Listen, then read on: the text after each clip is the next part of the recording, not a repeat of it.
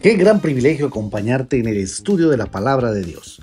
Bienvenido al podcast de la hora silenciosa de Palabra de Vida Guatemala.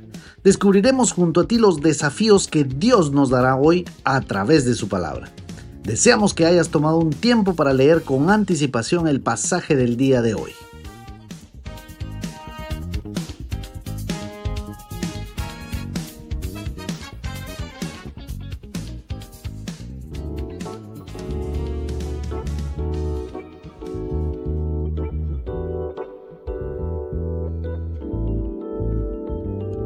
Bienvenidos una vez más al comentario bíblico de la hora silenciosa de Palabra de Vida, Guatemala. Te saluda Ronnie Akin y hoy damos un giro y nos ubicamos en el Nuevo Testamento en la primera carta del apóstol Pablo a Timoteo en su capítulo 1, de los versículos del 1 al versículo 11. Para empezar tenemos que decir que esta carta está dirigida al joven pastor Timoteo, un fiel colaborador de la obra misionera el cual el apóstol Pablo conoce en la ciudad de Listra. El relato de Hechos 16 nos dice también que este chico de más o menos 18 o 20 años era un fiel servidor en aquella congregación y los hermanos daban un buen testimonio de su actuar. Qué alentador es saber que se puede contar con jóvenes líderes que están dispuestos a vivir para el Señor. Más adelante Pablo le dice que nadie le menosprecie por ser joven. Hoy sufrimos una gran indiferencia en nuestros grupos de jóvenes, pues ellos no quieren comprometerse en la obra de Dios y no son desafiados a vivir para el Señor. Es de notar también que este chico tuvo una orientación a amar al Señor desde muy pequeño. Pablo nos cuenta que a pesar de que este muchacho venía de una familia disfuncional, pues su padre era griego, su madre y su abuela eran judías y amaban al Señor.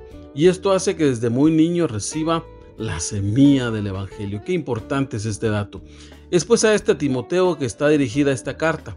En ella encontramos cómo el apóstol Pablo deja al joven pastor Timoteo en aquel lugar, que para esta parte de su vida ya es un joven adulto, a que sea quien dirija aquella congregación. Pablo empieza esta carta recordándole que él es un apóstol de Jesucristo por mandato de Dios nuestro Señor y Salvador y de Jesucristo nuestra esperanza. Muchos escritores concuerdan en que Pablo lo hace de esta manera porque esto le da mucho respaldo a su hijo en la fe, Timoteo. Le saluda de una forma alentadora y su saludo está lleno de esperanza, ya que solo la misericordia, la gracia y la paz de Dios pueden lograr en el ser humano que éste pueda encontrar sentido a la vida. La carta es escrita pues en la iglesia se estaba introduciendo falsas enseñanzas y Pablo le ruega a Timoteo que se quede en aquella iglesia. Quizá para Timoteo, por ser un joven pastor, esto estaba siendo muy difícil. Y es que no es agradable lidiar con gente, y mucho menos cuando una gran parte no está de acuerdo con lo que se enseña. Así que Pablo ruega a su hijo y le pide mantenerse fiel en la enseñanza dada por él, ya que ésta la había recibido de Jesucristo. Cuando Pablo se dirige a Timoteo, le dice, dile a estos falsos maestros que no enseñen falsas doctrinas en la iglesia. Por favor, Timoteo, no te prestes a este tipo de actividades, no prestes atención a cuentos que se inventan, no te apartes de tu objetivo, el cual es predicar la palabra. Y es que en ese tiempo, como en el de ahora, hay muchas corrientes de pensamientos que en lugar de educar a la iglesia la llevan por corrientes de pensamientos de hombres que no edifican la iglesia de Cristo, pues sus bases están en pensamientos creados por los hombres y no en la palabra de Dios. Recuerda Timoteo que nuestra fe en Cristo, dice Pablo, está basada en el amor de Dios para el hombre. Ese es el propósito. Algunos se han equivocado y usan el Evangelio solamente como una mera forma de tener un tema de discusión y eso no edifica. El gnosticismo, el judaísmo se metían en aquella congregación y la iglesia estaba siendo dominada por este tipo de corrientes.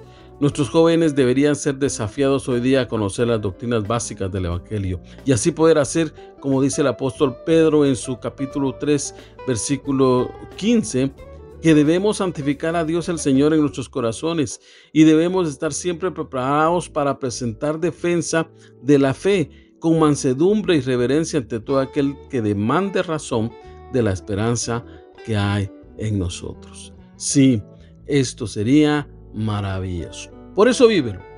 Joven que me escuchas o quizá no seas tan joven, ¿cómo está siendo tu tiempo con el Señor? ¿Cuánto tiempo dedicas a la lectura de la palabra de Dios? ¿Cómo sabes que eres un hijo de Dios? Si te pidieran algunos textos en los cuales basas tu salvación, ¿cuáles me darías? Vas a la iglesia porque siempre has sido, pero nunca has tenido un encuentro con la persona de Cristo. Bueno, te animo a que seas como el joven Timoteo, que aceptó el reto de vivir una vida de desafíos confiando plenamente en el Evangelio de Jesucristo. Ninguno tenga en poco tu juventud. Que el Señor te bendiga.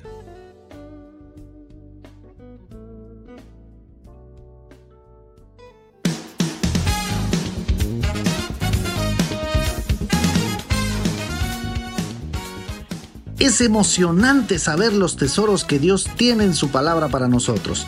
Ayuda a tus amigos a que descubran la voluntad de Dios para su vida. Comparte este podcast con ellos. No olvides seguirnos en nuestras redes sociales.